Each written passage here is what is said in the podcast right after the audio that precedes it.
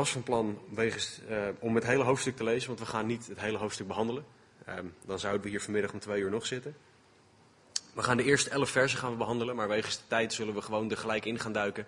Gaan we niet het hele stuk lezen, maar gaan we gewoon ehm, erin duiken. Voordat we dat doen wil ik toch nog een heel klein beetje context geven, want het is nogal een bijzonder gedeelte waar we nou precies erin vallen. Dus ehm, de context is dat we in de laatste zeven jaar van de aarde zitten zoals we die kennen. De openbaring behandelt die laatste zeven jaar en de periode die daarna komt. Ehm, deze periode wordt de verdrukking of de grote verdrukking genoemd. Het is een periode waarin God zijn rechtvaardigheid, zijn toorn over de aarde laat gaan. En dit begint allemaal vanaf openbaring hoofdstuk 6. Ehm, en die oordelen beginnen met de zeven zegels, zoals de Bijbel dat noemt. Ehm, die kunnen we vinden in openbaring 6 en uh, openbaring 8. En het effect van deze zegels was slechts deels zichtbaar op aarde. Er was niet een, bij een aantal zegels gebeurde er iets in de hemel, in de geestelijke wereld. En zagen we op de aarde niet precies wat er gebeurde. We weten dat er iets gebeurde omdat het opgeschreven staat, maar het zal niet direct zichtbaar zijn. Na de zeven zegels komen de zeven bazuinen, of trompetten, als je wil weten wat een bazuin is. En die staan verderop in openbaring 8, in openbaring 9 en in openbaring 11. En deze bazuinen waren grotendeels zichtbaar op aarde. Maar bijvoorbeeld bij de vierde bazuin werd slechts een derde van de sterren geraakt. Een derde van de wateren werd geraakt. Dat is een van de eigenschappen van die zeven bazuinen.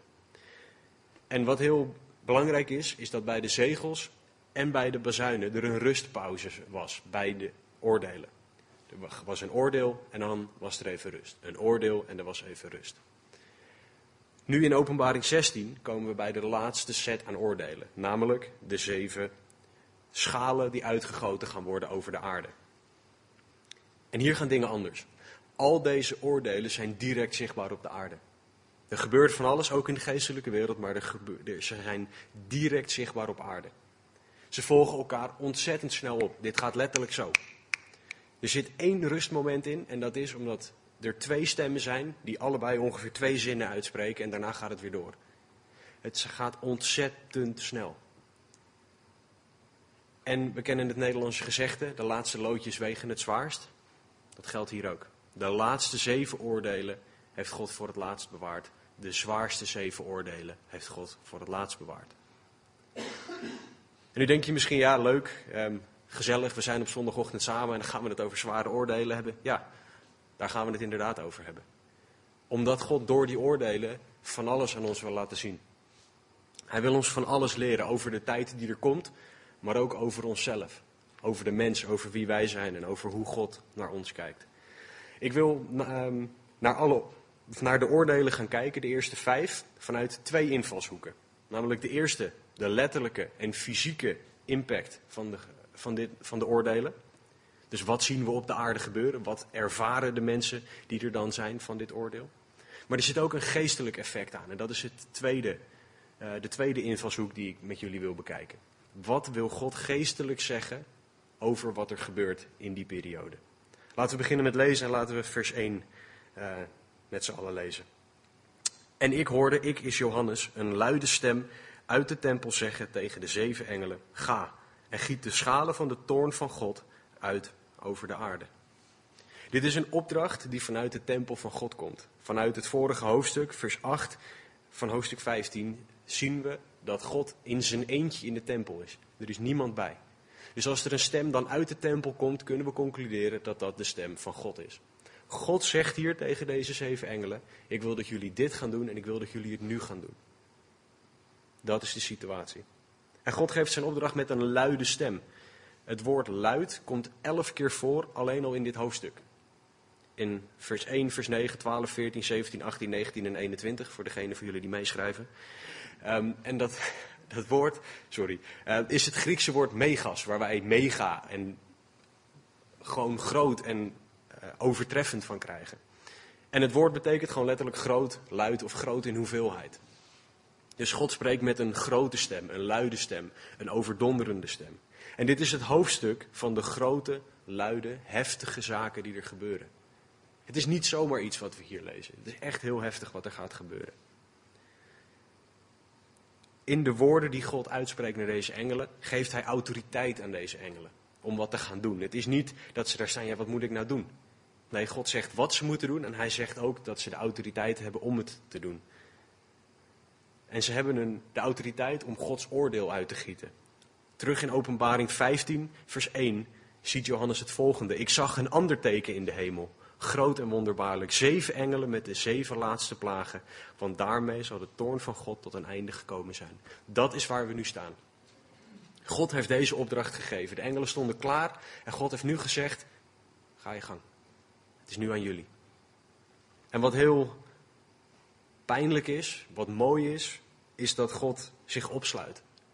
Dit oordeel uitgieten doet hem pijn. Dit is niet iets wat hij leuk vindt, waarbij hij keihard zit te lachen en te bulderen en te gieren te brullen. Dit doet God pijn. Hij wil alleen zijn in, deze, in dit moment waarop dit gebeurt. Deze oordelen, zoals de mens eigen is, gaan we proberen te verklaren, of zijn er mensen die dit proberen te verklaren vanuit de wetenschap.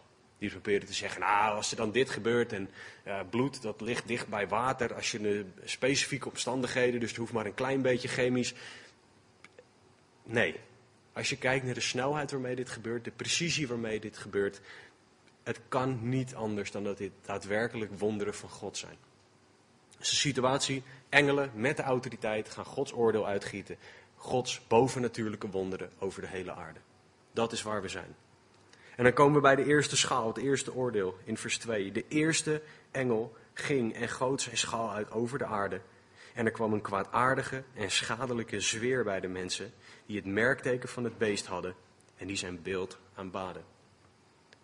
Deze engel, we weten niet hoe groot die is. Dat zijn vragen die ik me dan stel. Hoe groot is die? Ik bedoel, als die twee meter zou zijn, dan moet hij een heel eind vliegen en is maar een klein manneke. Um, hoe groot is die schaal? Weten we ook niet. We weten alleen dat het gebeurt. Het zijn op zich leuke vragen om te stellen, maar we krijgen er geen antwoord op. We weten alleen dat dit gaat gebeuren, niet precies hoe. Nou, de eerste invalshoek die ik zei is de letterlijke en fysieke gevolgen van deze plaag.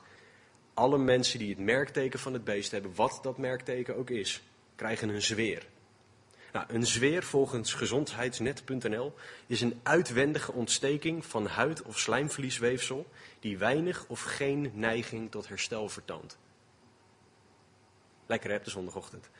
Um, het is gewoon iets heel heftigs wat er op je huid zit.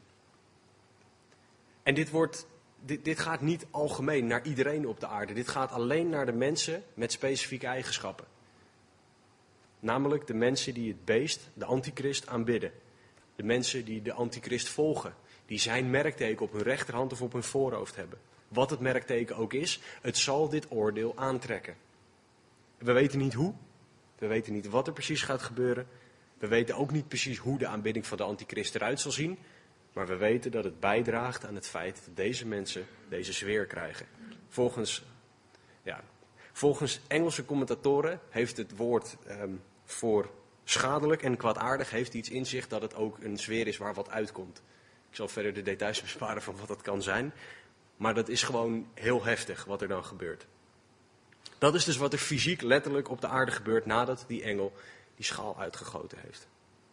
De geestelijke invalshoek, de tweede invalshoek van waaruit ik dit oordeel wil bekijken, is dat dit lijkt op de plaag uit Exodus 9.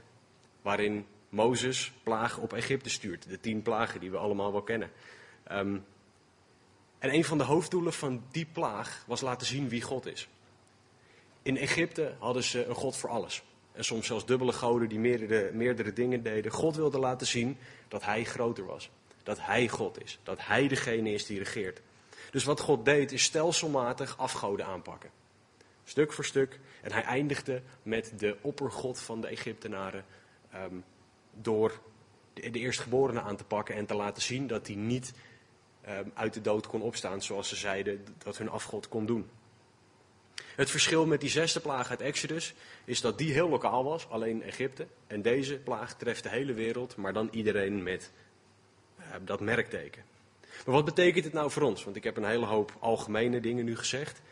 Um, ook in deze tijd hebben wij afgoden. De belangrijkste zijn wij zelf. De belangrijkste afgod van deze tijd zijn wij zelf.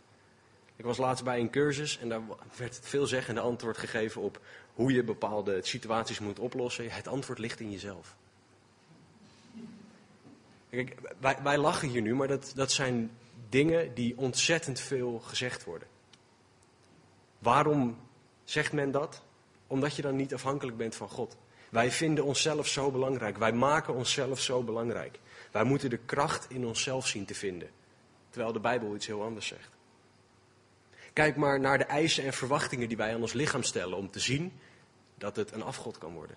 Kijk maar hoeveel tijd, geld, energie en allerlei dingen die we stoppen in het verzorgen van ons lichaam. Begrijp me niet verkeerd, ik ben niet tegen lichaamsverzorging. Ik ben niet tegen uh, bijvoorbeeld fit zijn. De Bijbel zegt ook dat, dat we goed voor ons lichaam moeten zorgen. Maar het moet niet doorslaan in dat het een afgod wordt. Dat ons hele leven draait om ons lichaam verzorgen. En als er ook maar één dingetje niet goed is, dat dan onze wereld vergaat. God wil dat de mens ziet dat hij God is, niet de mens. God wil dat de mens ziet dat hij almachtig is en niet de mens. God wil dat de mens ziet dat hij oordeelt, niet de mens. God wil dat de mens hem aanbidt en niet zichzelf. Dat is wat God duidelijk aan het maken is met dit oordeel. Hij is aan het laten zien wie hij is en dat wij dat niet zijn. God is door deze schaal aan het laten zien wie hij wel is. Ik heb het nu heel veel gehad over dat God aan het oordelen is. En we zijn pas bij de eerste van de vijf oordelen die, eh, die we gaan behandelen. En het is niet zo dat God met zijn verkeerde been naar bed gestapt is. Het is niet zo dat God in een verkeerde bui is, dat het zijn maandelijkse periode is, dat hij ons helemaal zat is. Whatever. Al die menselijke terminologieën die wij kunnen verzinnen, dat is niet zo. 2 Korinthe 15 zegt, wij moeten allen voor de rechterstoel van Christus openbaar worden. Opdat ieder vergelding ontvangt voor wat hij door middel van zijn lichaam gedaan heeft. Het zij goed, het zij kwaad. Wat zegt God hier? Iedereen komt voor de rechterstoel van God. En als je goede daden gedaan hebt, zullen die geoordeeld worden. En als je slechte daden gedaan hebt, zullen die geoordeeld worden. Zeg ik daarmee dat als jij een puppy van de straat redt en dat een goede daad is, dat dat een tjik op je, op je lijstje is? Nee, dat zeg ik niet. Romeinen 14:23 zegt alles wat niet uit geloof is, is zonde. Zo simpel is het. Dus als jij die puppy van de straat redt, hartstikke goed. Maar dat is niet iets wat God op dat moment voor jou heeft, dan is het zonde. Dus je kan het zo zien. God geeft geloof, zegt Galaten 5. Door het horen van het woord van God kunnen wij tot geloof komen, zegt Romeinen 10. En alleen dingen die de mens door het door God gegeven geloof doet, zijn voor God goede daden. Dus alleen wat wij door God doen. Alleen de dingen die we door zijn kracht doen, de dingen die we voor zijn koninkrijk doen, die we tot eer en glorie van zijn naam doen, dat zijn de goede daden waar God het over heeft, waar hij naar op zoek is. Dat zijn de goede daden waar 1 Korinthe 5, 2 Korinthe 15 het over heeft. Dat zijn de goede daden waar wij naar, ons naar uit moeten strekken. Dus het is niet zo dat je, zoals bij de islam, een balans hebt. Goede daden moeten je slechte daden, uh, je goede daden moeten meer zijn en zwaarder zijn dan je slechte daden. Nee. De Bijbel zegt dat de mens niks goeds kan doen en dat wij dat alleen door Christus kunnen doen. En alle dingen die dus niet overeenkomen met, met God, met zijn wil, met wat hij voor ons heeft, alles wat niet uit geloof is, is zonde, daar gaat dit oordeel over. God is dus niet met zijn verkeerde been het bed gestapt, hij oordeelt zonde. Laten we doorlezen in vers 3, de tweede schaal. En de tweede engel goot zijn schaal uit in de zee, en die werd bloed als van een dode. En elk levend wezen in de zee stierf. Nou, we weten niet precies of hiermee de Mediterrane Zee bedoeld wordt met het woord zee. Um, of dat het de wereldzeeën zijn. Persoonlijk ben ik van mening dat het de wereldzeeën zijn. Daar kunnen we lang en kort over praten. Het is niet heel relevant, maar um, de wereldzeeën, geloof ik. En wat hier bijzonder is en belangrijk is, is dat God zijn oordeel uitgiet over zoutwater hier. Daar begint hij. Dus de, weer de eerste invalshoek, fysieke en letterlijke impact van dit oordeel, is dat het zoute water als bloed wordt. Uh, en zelfs niet als bloed, zoals ik net zei, maar dat het bloed wordt. Als in openbaring er staat als, bijvoorbeeld zijn voeten werden als blinkend koper, dan is het een vergelijking. Hier staat er, het wordt gewoon bloed. Zo simpel is het. Het is niet rood, het is gewoon bloed. En wat is het effect ervan? Nou, bloed ruikt niet heel lekker. Bloed stinkt gewoon. Zeker als zoals die hier staat, en die werd bloed als van een dode. Bloed dat er al een tijdje ligt. Dat al een beetje begint te etteren en gewoon, het is vies, dat stinkt. Daarbovenop gaan alle dieren in de zee dood. Nou ja, vis stinkt als het er al een tijdje ligt. Laat staan als dan alles wat in de zee leeft doodgaat aan dieren. En dat dat dan bovenop de geur komt van het bloed dat er al ligt. Dat is een hele hoop stank die er, die er de wereld in gestuurd wordt. Daarnaast, ik weet dat jullie hier allemaal naar op zoek zijn, maar de thermohaline circulatie. Um, thermohaline circulatie is gewoon de temperatuurregeling van de aarde. Je hebt op de wereld zoet en zout water en die werken op een echt briljante manier samen. Dat kan alleen door iemand ontworpen en gemaakt zijn. Hey, hey. Conferentie, Genesis, God heeft het gemaakt. Um, maar de waterstromen rond de wereld, zoet en zoutwater, zorgen samen ervoor dat de temperatuur op de aarde goed blijft. Als de balans van zoet en zoutwater te veel verandert, hebben we een gruwelijk groot probleem op deze aarde. Hier verandert de samenstelling van zoet-zoutwater ontzettend. Slechts 2,6% van het water op deze aarde is zoet. De rest is zout. Als dat allemaal opeens bloed wordt, wat gebeurt er dan met die thermohaline circulatie? Gaat helemaal kapot. De temperatuurregeling van de aarde wordt één grote chaos. Dat is het fysieke effect van dit oordeel. De tweede invalshoek is, wat is nou de geestelijke impact? Nou, bloed in de Bijbel is heel erg belangrijk. Het is ontzettend belangrijk. Leviticus 17:11 zegt dat het leven van een wezen in het bloed zit. Oftewel, zonder bloed geen leven. Als je iemand hebt die, die, die helemaal lege bloed is, is die dood. Dat is het idee. Daarnaast zegt datzelfde vers dat er zonder bloed geen vergeving van zonde is. Dus bloed is heel erg belangrijk, want elk mens is zondig. En de geestelijke staat van de mens waar God hier naar, waar God hier naar kijkt, is hij zegt, de mens heeft, bloed, heeft, het bloed van Jezus Christus nodig om gered te worden. Wij hebben als het ware een geestelijke bloed, bloedtransfusie nodig.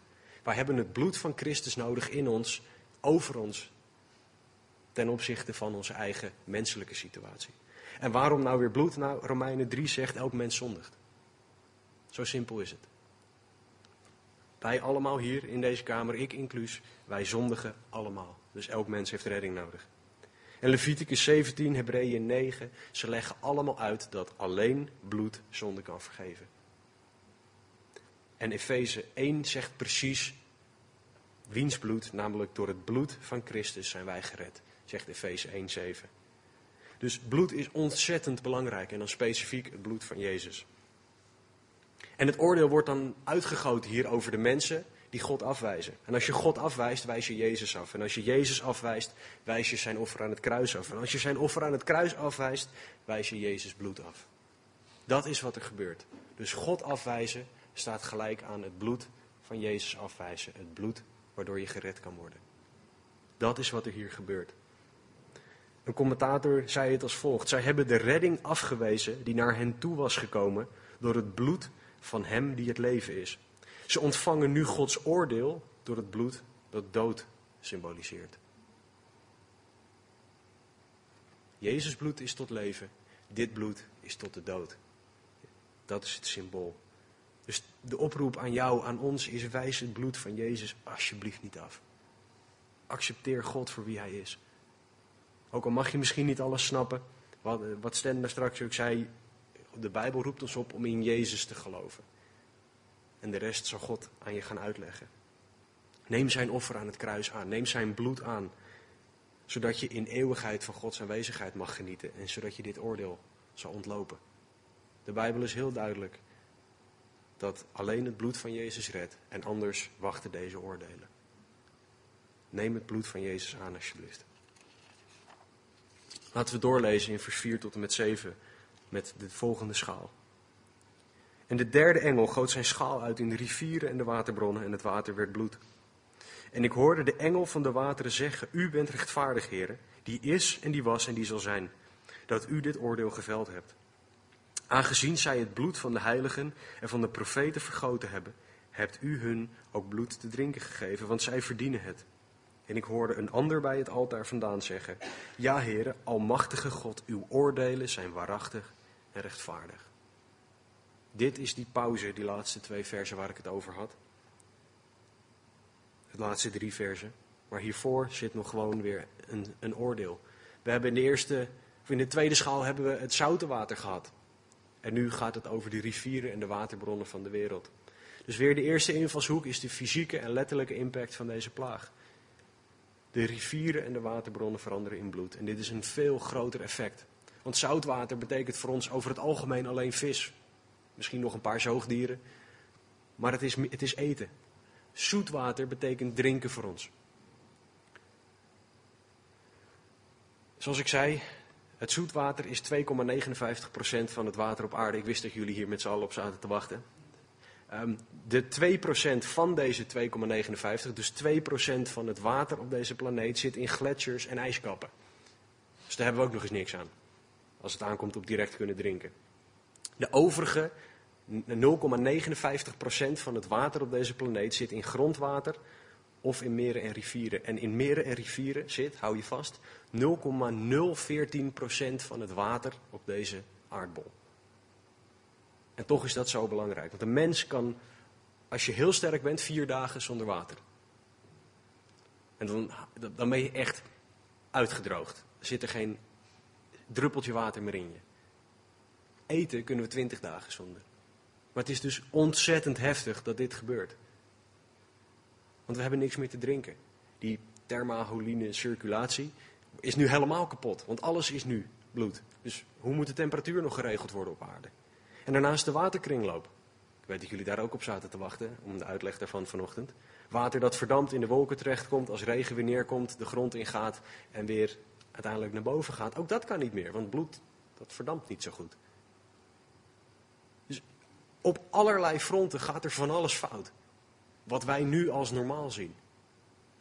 En God is dat aan het aanpakken. God is daar zijn oordeel over uit aan het gieten.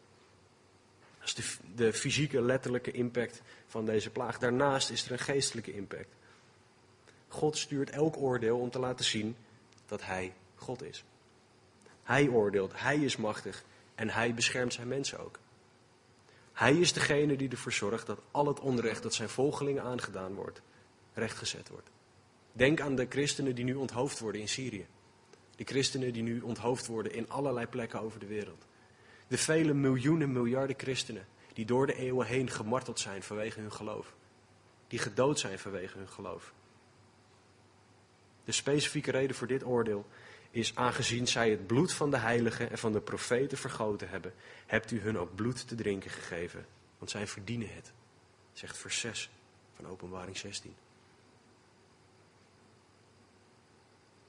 Openbaring 6, vers 9 tot en met 10 zegt, en toen het lam het vijfde zegel geopend had, zag ik onder het altaar de zielen van hen die geslacht waren, omwille van het woord van God. En omwille van het getuigenis dat zij hadden.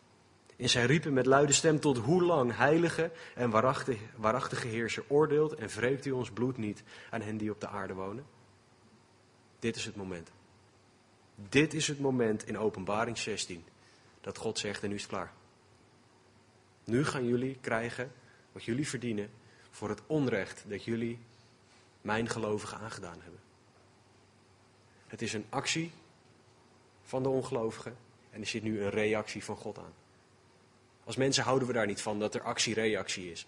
We vinden het leuk als het in ons voordeel werkt, maar we hebben er voornamelijk een hekel aan op het moment dat er verantwoordelijkheden bij komen waar we niet op zitten te wachten.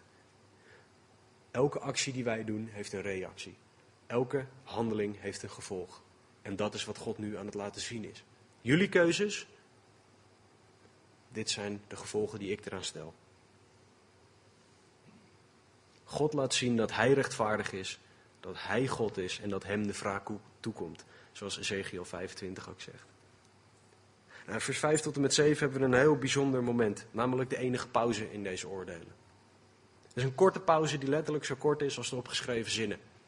Gewoon, dit wordt uitgesproken en daarna gaat het weer bam, bikkelhard verder.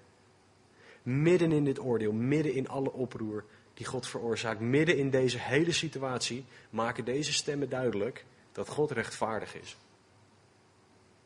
Waarom? Waarom hier? Waarom deze woorden? Nou, waarom? Omdat, ik weet niet, ik denk dat de meeste van jullie die vraag wel eens gehad hebben, maar waarom zou een goed God de mens oordelen? Waarom zou een God die liefde is, zijn oordelen uitstorten op deze manier over de mensen? Waarom? deze vraag gaat aan één heel belangrijk feit voorbij. Namelijk, God is niet alleen perfect liefdevol, maar God is ook perfect rechtvaardig. En dat is die precies tegelijkertijd. Dat snappen wij niet. Wij denken aan liefde als, een, als zo'n zo'n oude opa die gewoon, ah, alles is wel goed joh. En zo'n soort Sinterklaas die allemaal cadeautjes je kant op gooit.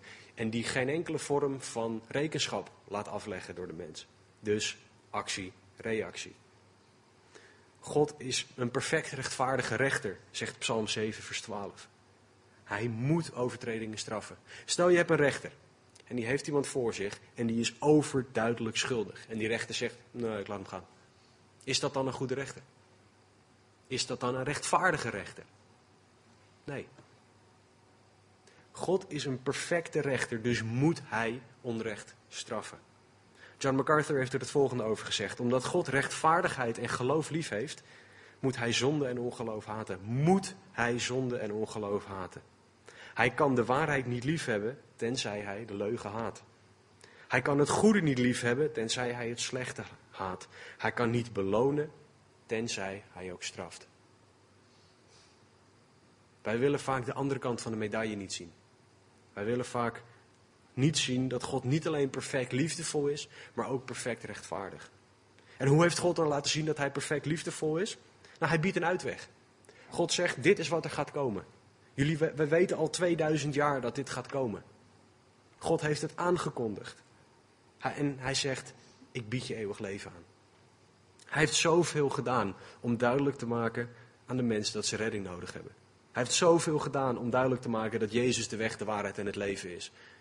En niet zoals die meneer van Hilsang gezegd had, nee, hij is alleen maar een, een, een bord in de juiste richting. Nee, Jezus is de weg, de waarheid en het leven. Maar wat heeft God dan gedaan? Hij heeft zijn woord gegeven. Hij heeft gezegd, ik leg uit in 1900 en een beetje pagina's wie ik ben. Wat ik van je verwacht. Hoe ik de wereld zie, hoe ik het leven zie. God heeft ons de kerk gegeven die in meerdere en in mindere mate voldoet aan wat God van hen vraagt. Wij horen als kerk te laten zien wie God is en wij horen mensen te vertellen over het feit dat ze God nodig hebben. God heeft de natuur om ons heen gegeven. Romeinen en de psalmen getuigen ervan dat de natuur laat zien wie God is. Kijk maar naar de natuur en ga, ga mij er maar eens wijs maken dat dat door toeval tot stand gekomen is. Als mensen dat tegen je zeggen, moet je het voorbeeld van de termiet aanhalen. Sorry, dat vind ik gewoon echt een leuke. Een termiet eet hout, maar kan het niet verteren. Een bacterie in de maag van een termiet kan het hout verteren. Wie was er eerst? De termiet of de bacterie? Want, want een, termiet zonder die bacterie, die gaat dood, want die kan niks eten. En die bacterie zonder de termiet gaat ook dood, want die heeft niks om, sorry, om in te wonen. Wie was er eerst?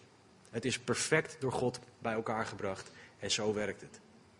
Dus als iemand met dat voorbeeld komt, denk aan de termiet.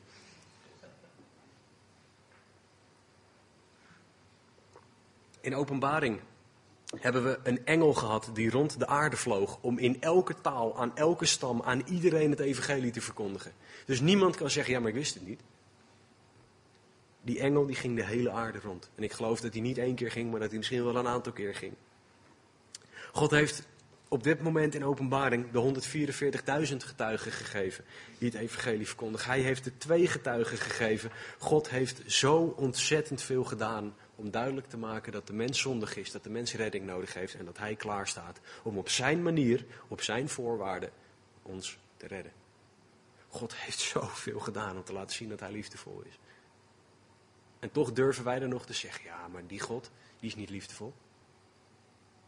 God is liefdevol en perfect rechtvaardig tegelijkertijd. Wat daar bovenop mooi is, is dat de eerste stem sowieso een engel is. Een engel is een perfect wezen.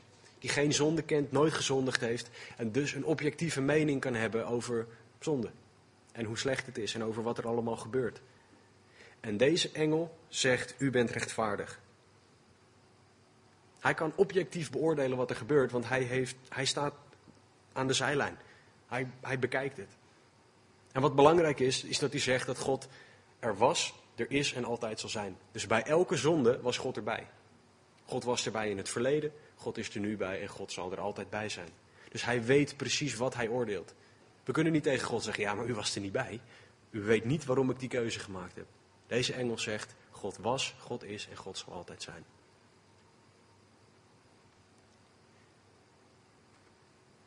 Laatste tegenwerping die mensen nog kunnen hebben. Ja, maar ehm, niet iedereen heeft de christenen vermoord die, waarover gesproken wordt. Een deel van de mensen zal dat niet gedaan hebben. Dat klopt. Maar we hebben twee typen zonde. Eén is dat je iets verkeerd doet. Makkelijkste manier van zonde die we kennen. De tweede is dat je verzuimt het goede te doen. In het Engels heb je de zin of to commit sin en to omit doing something good. De sin of commission en de sin of omission. Dus je doet het verkeerde of je laat na het goede te doen. En in openbaring 11.10 juicht de hele aarde mee op het moment dat de twee getuigen gedood worden. Niet de hele aarde had hen gedood, dat waren een aantal specifieke mensen. Maar alle onrechtvaardige mensen juichten mee na de dood van deze twee. Dat is wat ik hier bedoel. Een klein groepje doodde die twee getuigen, de rest juichte mee en deed er niks tegen. Degene die het gedaan hebben en degene die er niks tegen deden. De zonde dat je iets doet en de zonde dat je het goede nalaat. En wat de Bijbel aan alle kanten duidelijk maakt, is dat in ieder die niet het bloed van Jezus heeft, schuldig is volgens Gods standaard. En schuld verdient oordeel. Nou, dit wordt bevestigd door een tweede stem bij het altaar. We weten niet of dit een engel is, want de, engel, of de altaar staat in of bij de tempel. En daar was alleen God. Dus er gaan veel stemmen op over wie het wel niet geweest is. Ik ga er gewoon vanuit, er was een stem die dit zei. En die stem die zegt God is waarachtig en rechtvaardig. En waarachtig betekent dat God in waarheid handelt.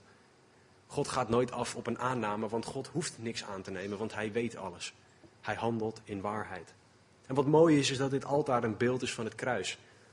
Hoezo? Nou, een altaar is de plek om een offer te brengen. Dat is het doel van een altaar.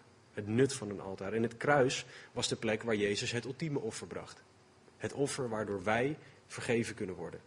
En dit kruis, dat, dat Ehm, afgebeeld wordt door dit altaar, bevestigt dat God rechtvaardig en waarachtig is. Alles komt overeen, al deze dingen komen samen en bevestigen dat Hij almachtig, waarachtig en rechtvaardig is. Alle macht heeft God en Hij handelt in waarheid en Hij handelt in perfecte rechtvaardigheid. Dat deed Hij vanaf Genesis 1 vers 1, wat voor ons het begin is, omdat wij niet verder dan dat terug kunnen denken. God was rechtvaardig toen Jezus aan het kruis hing en God is rechtvaardig hier in Openbaring 16. We mogen weten, Jezus Christus is gisteren en heden dezelfde tot in eeuwigheid. Hij was rechtvaardig, is rechtvaardig en zal altijd rechtvaardig zijn. Dus we mogen weten dat in deze oordelen God rechtvaardig is. Laten we doorlezen, vers 8 en 9. En de vierde engel goot zijn schaal uit over de zon. En haar werd macht gegeven de mensen te verzengen met vuur. En de mensen werden verzengd door grote hitte. Maar zij lasterden de naam van God die macht heeft over deze, eh, over deze plagen. En zij bekeerden zich niet om hem eer te geven. De eerste drie oordelen gingen allemaal direct tegen de mens en tegen de aarde in. En nu gaan we langzamerhand meer en meer richting afgoden. Bijvoorbeeld de zon, daar kom ik zo op terug. Het koninkrijk van de antichrist is de volgende de, vijfde, en dat is de laatste ook die we zullen behandelen vanochtend. Daarna gaat het tegen de machten van de duivel in en uiteindelijk tegen de lucht. En Efeze 2:2 noemt Satan de duivel de aanvoerder van de macht in de lucht. En dat is degene die uiteindelijk aangepakt wordt door ook deze oordelen heen. Gaan we weer terug naar het oordeel. Eerste invalshoek van dit oordeel is de fysieke en letterlijke impact van deze plaag. Jongens, Al Gore had gelijk, global warming. Alleen op een iets andere manier.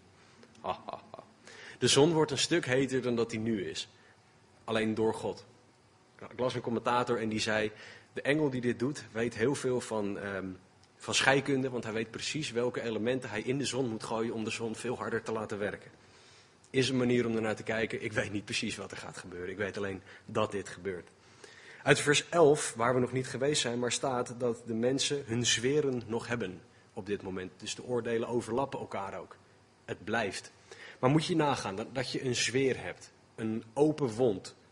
En dan komt er nog een verschroeiende, vreselijke hitte overheen. Waar je niet aan kan ontsnappen. Die over de hele wereld zal zijn.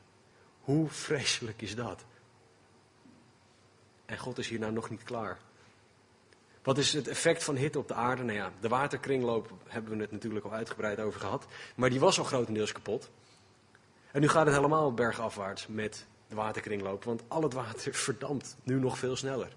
Al het water dat er misschien nog was in die flesjes en dingetjes en in de supermarkten. Het gaat nu nog veel harder verdampen dan dat wij graag zouden willen. Hitte in deze hoeveelheid veroorzaakt ook onweerstormen, tornado's en andere weerverschijnselen. Dus de wereld wordt helemaal gek. Alles gaat helemaal, helemaal uh, bizar worden. En zoals ik zei, 2% van het zoete water zit in uh, gletsjers en poolkappen. Dat gaat smelten. En dan denk je, ah, dat is niet zo heel erg. Nou, volgens antarcticglaciers.org zal alleen Antarctica al een stijging van de zeespiegel van 58 meter veroorzaken. Om je een beeld te geven, de Haarlemmermeer zit 5 meter onder zeepeil. Dus dat betekent dat wij, nou ja, als de dijken doorbreken, een meter of 3 tot 55 onder zeeniveau terechtkomen. Amsterdam zit 2 meter onder zeeniveau op het moment. Singapore ligt op, 0, ligt op zeeniveau. Bangkok ligt 1 meter boven zeeniveau. Washington DC, het zelfverklaarde um, centrum van de macht van de wereld, 2 meter boven zeeniveau. Zal dus 56 meter water op zich hebben staan. New York ligt 10 meter boven zeeniveau. Cairo 22 meter. Bagdad 40 meter. Rabat ligt 53 meter boven zeeniveau. En als er dan dus 58 meter komt, zullen al deze wereldsteden onder water komen te staan. Alleen omdat de zon warmer wordt. Wat een effect hebben deze oordelen. Het fysieke effect hiervan is onbegrijpelijk. En toch is God nog niet klaar. De geestelijke impact van dit oordeel is ook een afgod. Sinds Genesis 11 aanbidden mensen de hemel, de sterren en vooral de zon. Weet niet voor degene van jullie die dit interessant vinden, maar Nimrod, ik weet niet goed hoe ik zijn naam goed uit moet spreken, is degene die aanzet tot het aanbidden van de hemel en de hemellichamen. De zodiac, voor degene die dat interessant vinden, um, is wat hij instelt om uiteindelijk hemellichaam en daarmee de zon te aanbidden. En de toren van Babel, die in zijn stad, want Nimrod stichtte de stad Babel, uh, de toren van Babel die gebouwd werd, was een poging om tot de hemel te komen, namelijk de plek van de hemellichamen. En daar bovenuit te komen. En God oordeelt deze vorm van aanbidding. God oordeelt de vorm van aanbidding die door het volk Israël werd opgezet door het aanbidden op de offerhoogtes. Dat betekent voor ons misschien niet heel veel dat Israël op offerhoogtes aanbad, maar dat betekent dat ze daar de hemellichamen aanbaden. En niet de God die de hemellichamen geschapen had. God oordeelt ook ons blinde vertrouwen op de zon. Voor niks gaat de zon op. De zon komt altijd wel weer op. Morgen is er een nieuwe dag. Ik denk niet dat mensen nu nog willen dat de zon opkomt op dit moment. In Malachi 4.1 wordt Gods oordeel als een brandende oven omschreven. In Deuteronomium 32, 22 en 24 wordt Gods toorn als een vuur omschreven. Dat is precies wat er hier gebeurt. Dat zijn profetieën die vooruitkijken naar wat er hier gebeurt. Malachi 4.1 en Deuteronomium 32, 22 vers, 4 en vers 24. Dat is precies wat er hier gebeurt. Meneer Barnhouse, een van de commentatoren, heeft gezegd: mensen moeten leren dat de dingen waar ze op vertrouwen of waar ze hun aanbidding aan geven, de bron van hun meest vreselijke straffen zullen zijn. Dat is wat God hier aan het doen is. De dingen waar wij op vertrouwen, anders dan God, krijgen een oordeel over zich heen. Wat je hier ziet is dat mensen fysiek dorst hebben. Ze hebben dorst naar water. Maar wat God geestelijk wil laten zien, de tweede invalshoek hier dus bij, is dat mensen dorst horen te hebben naar het levende water, namelijk Jezus Christus. En dat hebben ze niet. Johannes 4:14, wie drinkt van het water dat ik hem zal geven, zegt Jezus, zal in eeuwigheid geen dorst meer krijgen. Maar het water dat ik hem zal geven, zal in hem een bron worden van water dat opwelt tot een eeuwig leven. Wij hebben het levende water van Jezus nodig. Mensen zullen, vreselijk, eh, zullen echt vreselijke dorst hebben. Hitte en dorst zijn hier de uiting van hun geestelijke droogte. Ze hebben niet het geestelijke water, de geestelijke verfrissing en daarmee niet de redding van Jezus Christus ontvangen. En daarom ontvangen ze dit oordeel. En het erge is dat de mensen weten dat God hen oordeelt. De mensen weten dat God hun tussen aanhalingstekens beloont naar hun daden en naar hun keuzes. Er staat in vers 9, ze lasterden de naam van God die de macht heeft over deze plagen. En ze bekeerden zich niet om hem eer te geven. Deze mensen vallen niet op hun knieën en aanbidden de Heer niet. Dit laat zien dat het hart van de mens een hart van steen is, een hart vol zonde. Dit laat zien wat de natuur van de mens is. Dit laat zien dat het zien van Gods werk niet genoeg is om tot geloof te komen. Wij hebben een innerlijk werk van God nodig, een innerlijke verandering door het werk van de Heilige Geest. En dan pas kunnen wij tot geloof komen. Er zijn zat mensen die zeggen, ja, als ik God, als ik God dit zie doen, dan kan ik geloven. Dit is een bewijs dat het, niet, dat het niet kan, dat het niet klopt. Wij moeten God vragen. Wij moeten door God overtuigd worden. En daarna kunnen wij God vragen, Heer, laat me zelf zien. Heer, ik zie nu wie ik ben. Ik zie dat ik een zondaar ben. Ik heb u nodig. U en u alleen. Vraag dit ook aan God om dit te doen. Vraag hem, Heer, verander mij. Heer, laat mij u zelf zien. Heer, ik wil u leren kennen. Maar dat is wat God hier laat zien door deze zon, deze droogte. Deze mensen hebben Jezus Christus nodig. Laten we de laatste twee oordelen lezen. Of de laatste twee versen, het laatste oordeel voor vandaag. En de vijfde engel goot zijn schaal uit over de troon van het beest en zijn koninkrijk werd verduisterd.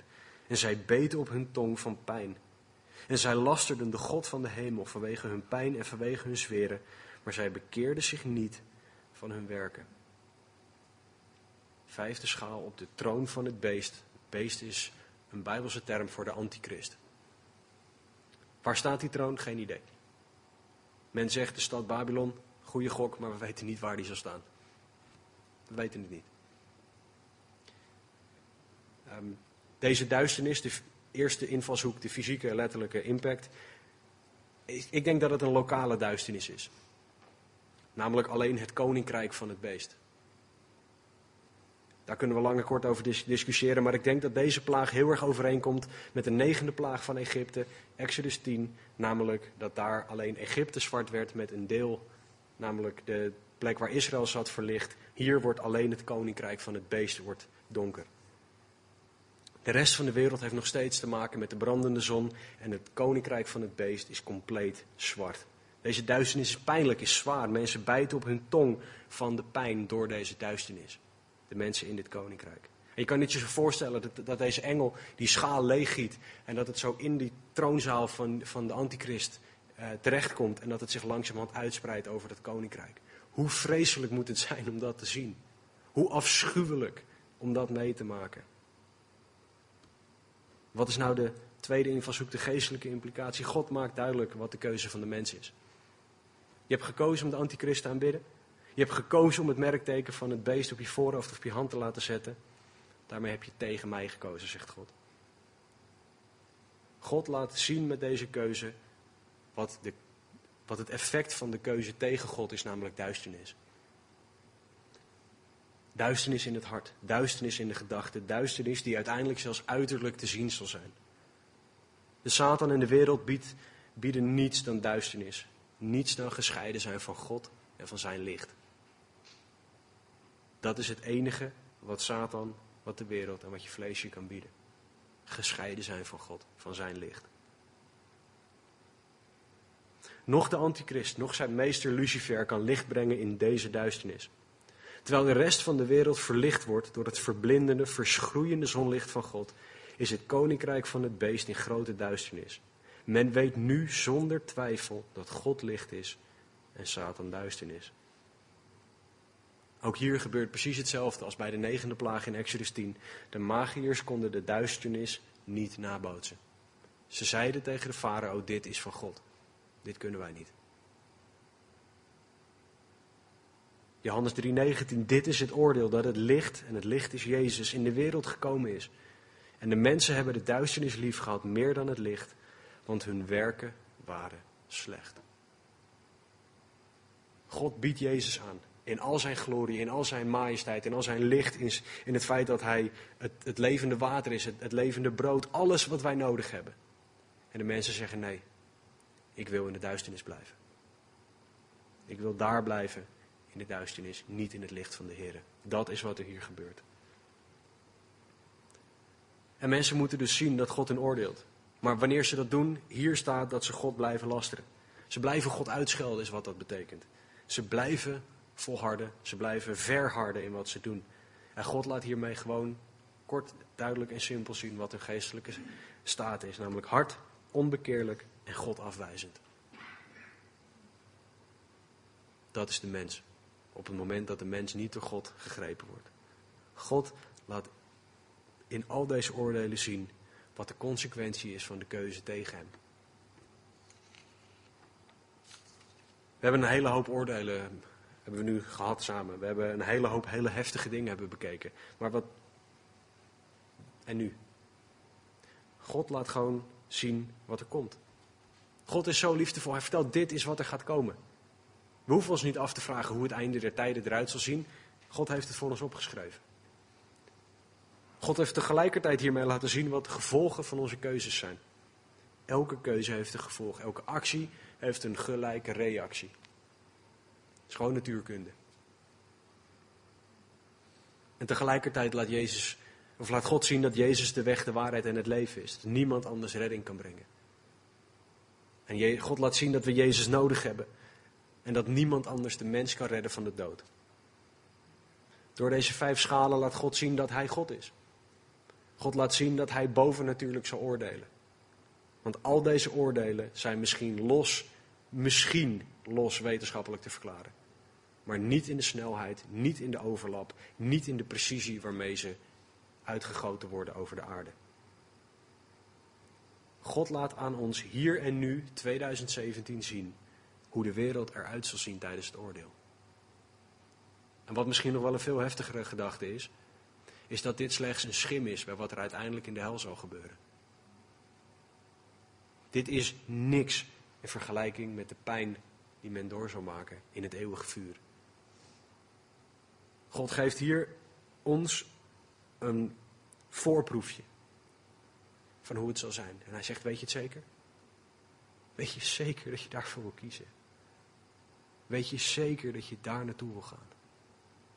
Dus de vraag vanochtend is, kies je voor God of kies je tegen God? Kies je voor God of kies je tegen God? Dus ik heb een aantal praktische toepassingen van. De eerste is, weet je of je dit oordeel ontloopt? Weet jij of je dit oordeel ontloopt? Alleen door in Jezus te geloven op zijn manier. En niet te zeggen, ja, maar ik geloof in hem op mijn manier. Nee, God is almachtig, dan mag hij ook dicteren hoe. Op zijn manier geloven. Alleen dan kan je dit oordeel ontlopen. Alleen door Jezus offer aan het kruis, door zijn bloed, dat wij allemaal nodig hebben, kan je vergeven worden, kan je dit oordeel ontlopen en juist de eeuwigheid bij God doorbrengen. Niet gescheiden van God. Weet jij of je dit oordeel ontloopt? De tweede, heb jij dingen die een uiterlijke uitwerking hebben, net zoals die zweer, de allereerste plaag die we zagen, maar die een teken zijn van een innerlijk probleem?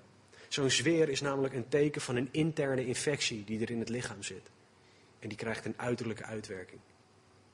Klinkt misschien een beetje raar, maar wat ik, wat ik daarmee bedoel is, als ik bijvoorbeeld gezondigd heb, dan word ik heel erg kort af. Dan heb ik een heel kort lontje, moet je maar eens aan de miet vragen. Dan ben ik ontzettend geïrriteerd en dat is dan een uiterlijke uitwerking van een innerlijke infectie die er bij mij op dat moment is. En dat moet ik bij de Heer brengen en dat moet de Heer uit mij weghalen. Daarvoor moet, moet ik vergeving vragen. Wat zijn die dingen in jouw leven? Ga ermee aan de slag om dat bij de Heer voor te leggen. Het is een ongeneeslijke wond, zo'n sfeer. Zonde is een ongeneeslijke ziekte. Alleen door het bloed van Jezus kan het vergeven worden en kan het weggehaald worden. De derde vraag of toepassing is: waardeer jij het bloed van Jezus voor wat het is? Of denk je van, nou ja, leuk. We zingen erover, we hebben het erover, maar whatever. Of zie jij het voor wat het daadwerkelijk is? Het duur betaalde bloed van het lam waardoor wij vergeven kunnen worden. Moet jij je misschien weer gaan verdiepen in wat Jezus voor jou gedaan heeft? In de prijs die Jezus betaald heeft voor jouw zonde aan het kruis. Zodat je weer gaat inzien wat hij gedaan heeft. Hoeveel hij gedaan heeft. Hoeveel hij van je houdt. Vraag God gewoon om te laten zien wat en hoeveel hij voor jou gedaan heeft. Leer zijn bloed meer waarderen. Volgende vraag. Zie jij dat God alles perfect en rechtvaardig doet? Of denk je van, nou nee, deze situatie, Heer, nu, nu, nu wilt u mij gewoon pakken. U hebt gewoon de pik op mij, u wil mij gewoon nu eruit lichten en mij gewoon aanpakken. U mag mij gewoon niet. Geef jij God de schuld van dingen die er in je leven gebeuren? Of zie je dat God altijd perfect rechtvaardig zal handelen? Hoe moeilijk dat misschien ook is om te zien, ik wil hiermee niks afdoen aan omstandigheden waar jullie doorheen gaan. Maar zie je in dat God altijd perfect rechtvaardig is? Of kijk je alleen naar je omstandigheden, in de plaats van naar de God die perfect rechtvaardig is? Bid tot Hem dat Hij je de kracht zal geven om dit te zien, dat Hij altijd perfect en rechtvaardig zal handelen. Om te gaan staan op wat Zijn woord zegt. Heren, als uw woord dit zegt, wil ik dit geloven. Heren, verander mijn zienswijze alstublieft. Vijfde vraag. Ga jij door een periode van geestelijke droogte heen? Het kan. Het kan zijn dat je gestopt bent met het lezen van het woord. Het kan zijn dat je door andere keuzes niet meer zo nauw bij de Heer wandelt als dat jij eigenlijk moet doen.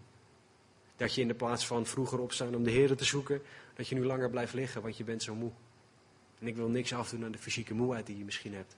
Maar moet jij niet weer het, het water, het levende water van Jezus Christus proeven? Moet je niet weer het woord openen? Moet je niet weer teruggaan naar Hem? Vraag Hem erom. Vraag God om de kracht, de wil, de tijd ook en de keuzes om het te gaan doen. En als laatste, welke delen van jouw leven zitten er in duisternis? Op het moment dat jij gered bent, is het niet zo dat jouw hele leven in duisternis is. En dat het licht van God niet in jou schijnt. Maar wij hebben allemaal donkere kamertjes in ons hart waar we met niemand over praten. De dingen die we zelfs niet bij God willen neerleggen. Omdat we zeggen, nee heer, dat, dan houdt u niet meer van me. Of dat we zeggen, nee heer, dat wil ik niet aan u overgeven. Ik vind dat een te fijne zonde. Waar zit die duisternis nog in jouw leven? In jouw hart, in jouw gedachten? Vraag God om met zijn licht in jouw leven te schijnen. Jezus is niet voor niets het licht van de wereld. Hij wil ook het licht in jouw hart zijn. Hij wil met alle liefde jouw hele leven doorschijnen en alles opruimen wat niet naar zijn wil is. Ik heb nu een hele hoop informatie je kant op gestuurd, maar wat het voornaamste is, Heer, laat mij zien wie u bent en wie ik ben. Laat mij zien wie u bent. Want God is hier bezig in deze oordelen om te laten zien wie Hij is en wat de gevolgen van de keuzes van de mens zijn op het moment dat we niet gaan voor wie God is. Laten we bidden. Heere God, dank u wel voor wie u bent. Heere, dank u wel dat u deze oordelen ons duidelijk hebt gemaakt. Heere, dank u wel dat u ons zoveel wijsheid geeft in uw woord. Dank u wel dat uw woord zo rijk is. Dank u wel dat uw woord zo diep gaat. Dank u wel, heren, dat er door uw hele woord heen verbanden te trekken zijn. Dank u wel dat uw woord zichzelf nooit tegen zal spreken. En dank u wel dan ook, heren, dat u ons waarschuwt. Waarschuwt voor wat er gaat komen. Dank u wel dat u laat zien, heren, wat de gevolgen van onze keuzes zijn. Heren, op het moment dat wij tegen u kiezen, zijn dit de gevolgen. Heren, dank u wel dat u zo eerlijk bent. Dank u wel dat u nooit zal liegen tegen ons, heren, maar dat u het gewoon open en eerlijk aan ons vertelt. En heren, u weet wat een ieder van ons nodig heeft. Heren, u hebt tot een ieder van ons gesproken, heren. Dat weet ik zeker. En heren, help ons dan ook om aan de slag te gaan met wat u tegen ons persoonlijk zegt. Help ons om aan de slag te gaan met die toepassing, heren, van dit woord die wij nodig hebben. Heren, verlicht ons denken, verlicht ons hart, heren, zodat wij zullen doen wat u van ons vraagt. En Heer, als er hier mensen zijn die nog niet geloven, Heer, spreek tot hen. Zodat zij tot geloof zullen kunnen komen. Zodat zij dit oordeel zullen kunnen ontlopen. Zodat zij u zullen kunnen leren kennen. Zodat zij van u kunnen houden, omdat u eerst van hen gehouden hebt. Heer, laat dit lijstje aan oordelen, laat dit ook een aanmoediging zijn voor een ieder van ons. Om mensen te vertellen over wie u bent. Heer, zodat we hier niet, of zodat we mensen hiervoor kunnen behoeden. Heer, geef ons de vrijmoedigheid om te gaan en om te vertellen, om te spreken, om te doen. Heer, we hebben u nodig. Heer, meer dan dat wij bidden of beseffen. Heer, u zij alle lof en eer tot in alle eeuwigheid. Heer, dank u wel voor wat u vanochtend gedaan hebt, voor wat u nog gaat doen. U zij alle lof en eer, Heer. Dank u wel. Amen.